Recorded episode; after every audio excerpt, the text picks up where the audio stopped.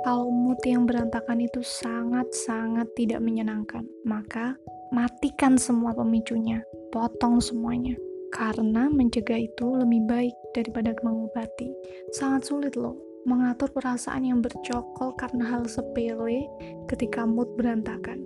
Rasanya hal-hal kecil yang menumpuk terus-menerus itu dikeluarkan sedikit demi sedikit seperti ditekan-tekan sampai agar tidak keluar. Tapi akhirnya boom, seperti brojol keluar semua dalam kondisi yang benar-benar carut marut yang akhirnya menyakiti banyak pihak, terutama yang terdekat. Jika tahu efeknya bisa sebesar ini, maka sekali lagi potong triggernya, potong pemicunya, potong dan jauhkan, agar tak dekat-dekat dengan hal yang tak penting, bin tak berguna tersebut. Seringnya kulihat, tapi nggak semuanya sih, tapi sebagian besar orang-orang yang meledak-ledak keceriaannya itu adalah orang yang sama yang mengalami mental breakdown juga. Jadi seperti kalau terlalu berlebihan menanggapi sesuatu, mungkin juga salah satu faktor penyebab sensitif seseorang itu jadi meningkat.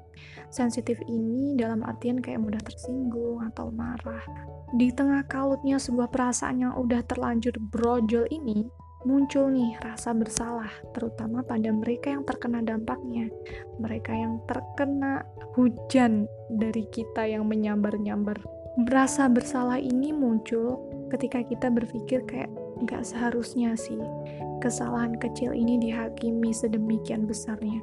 Dari sini kayak ada benang merah sih, kayak seharusnya kita itu disiplin dengan komitmen kita sendiri. Seharusnya disiplin ini membuat kita itu nggak meremehkan trigger atau pemicu atau hal apa pun yang membuat kita itu memiliki mood yang nggak stabil. Jadi ya kalau bisa ya jaga hati, jaga mata, jaga telinga, jaga mulut.